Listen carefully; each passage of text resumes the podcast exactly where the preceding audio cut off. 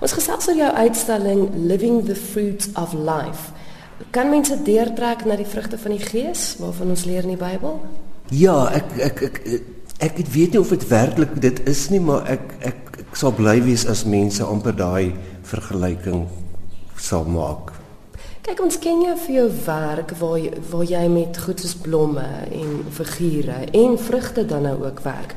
Hoe trek mense dit deur na goed soos die vrugte van die Gees toe? Ek dink om na my uh, laaste uitstalling het ek nogal ja, wat 2 jaar gelede was, het ek nogal vir rookmaker aangehaal wat gesê het dit is nie die taak van die kunstenaar om te preek nie, as ek dit so kan stel. En uh, tog na daai uitstalling verby was, het ek vir die eerste keer amper begine worstel met wat is wat is my taak in die lewe? Uh, wat wil God hê moet ek doen as te ware? Uh, weet dan moet ek in 'n grot in Israel gaan bly of iets of opgrawings gaan doen. En toe ek alles het net so daar vir my duidelik geword dat kuns is wat ek doen en dit is wat ek moet doen en so het ek geleidelik beginne meer my geloof en geloofsaspekte uit die Bybel en temas aanspreek en, en so ek dink dis hoekom en ek het gesukkel met 'n titel want jy wil ook nie onnodig uh, jou Christelike uh, leefwyse of wat in 'n titel aan mense af ja. dwing nie as ek dit so kan stel. Uh, maar jy kry baie goed reg met jou werk want weet jy mense kyk daarna en op die oog af dis mooi.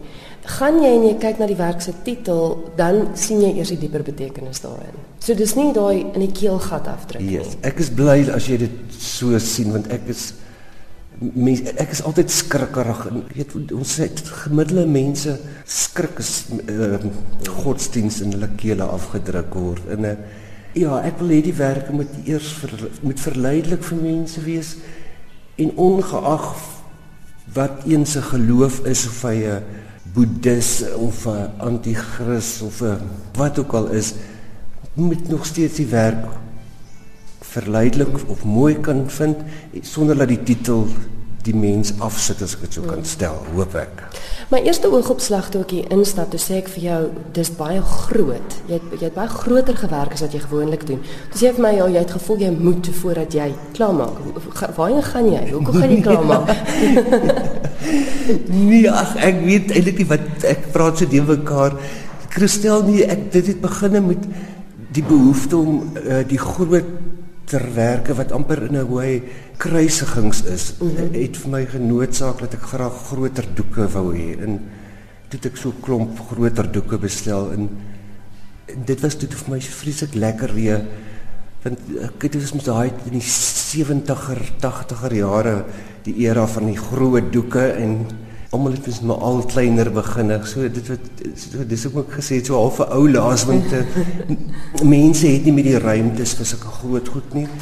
En dit kos ook te duur om sulke groot skilderye te maak. Dit. Philip, kom ons praat gou oor een van jou grootwerke en dis nou eintlik 'n Engelse titel, maar dit kom daarop neer my my juk is lig. Vertel my gou van die werk. Wel, dit kom direk uit die Bybel uit en dan uh, die simbool of metafoor waarmee ek begin het is regtig amper hierdie houtgoeters wat op die Afrikaner osse se nekke gerus het.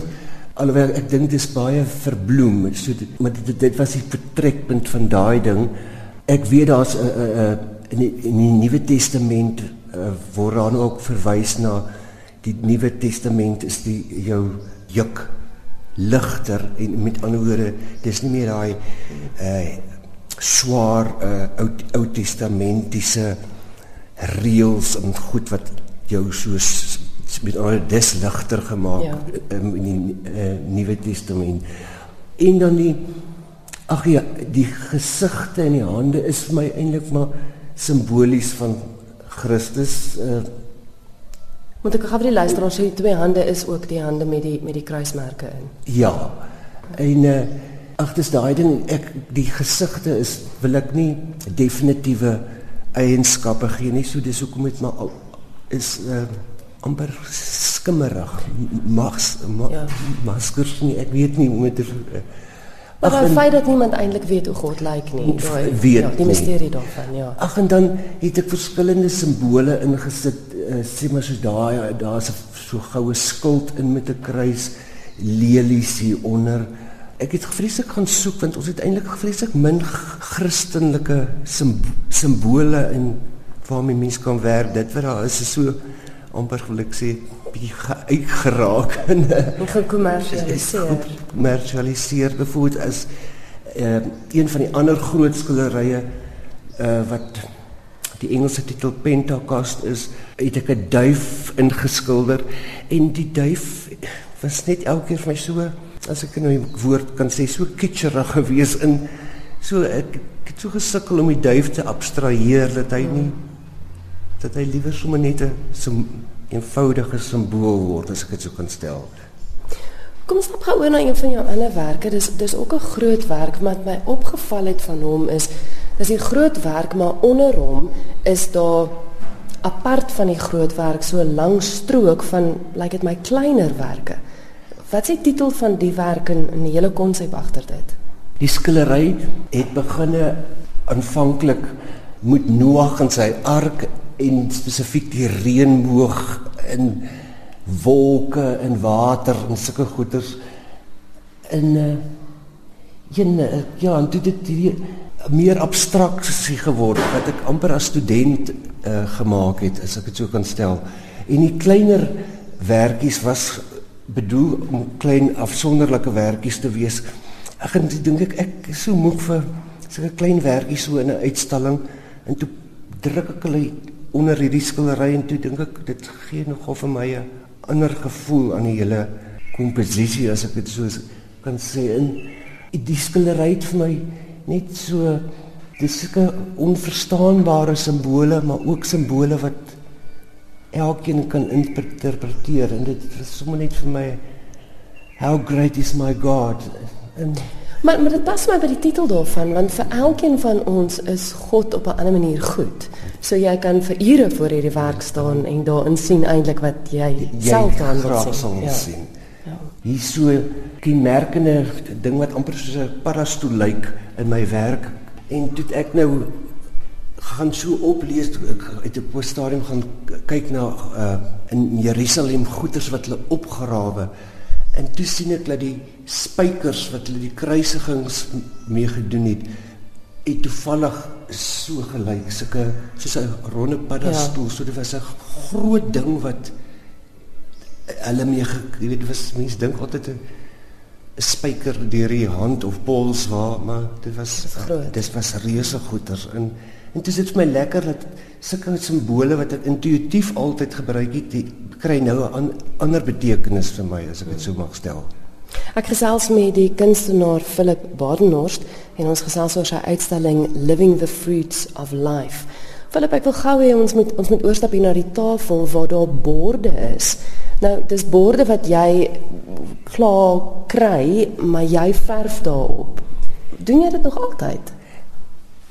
Verstel ek gaan kortliks vir jou vertel op 'n stadium, ek weet nie hoe lank terug nie, 3, 4 jaar gelede het ek my haak gebreek en ek was omtrent vir 'n jaar lank in gips en reistoele en whatever en my ateljee is met die trappe op, so ek kon nie opgaan met die trappe nie. En dit toe besluit ek maar ek gaan diep uh rouborde by Elsa van Duyk van sy studio koop en toe kon ek by 'n tafel sit en ek het die borde geskilder soos ek was so sê en dan op die ou en dan bak sy dit weer vir my. So dis hoe die borde in in die uh, proses gekom het. En was my nou lekker hierdie keer ook om net daai amper wil ek sê skimagtige gesigte ja wat ek in die skilderye ook het te probeer uitbeeld en motiewe rondom die ges gesigte wat nie werklike betekenisse het nie. Uh, maar elke mens sou kan sê dit lyk dalk soos 'n horing van oorvloed of dit is dalk 'n skip of 'n peel of 'n blom of 'n blaar. Ja, dit lyk amper asof ek 'n uh, weghardloop en nie wil sê wat goed is nie, maar 'n goed uh, doen mens dink ek soms so intuïtief dat jy dink nie meer waar waar oor gaan dit gaan nie. Jou werk is nou vir 'n geruime tyd te sien hier by by die Tina Skokan Galery. Maar waaroor sal jy bly wees as mense uitstap en en hulle sê, "Sjoe, dit is wat my geraak het. Ek sien wat hy daarmee wou bedoel." Wat sal jou gelukkig maak? Vanoggend was hy alreeds in die uh, voorskou heelwat mense en dit was vir my geweldig lekker as mense sê die werke spreek tot hulle met 'n deernis, 'n sagtheid en dit dit, dit maak hulle rustig.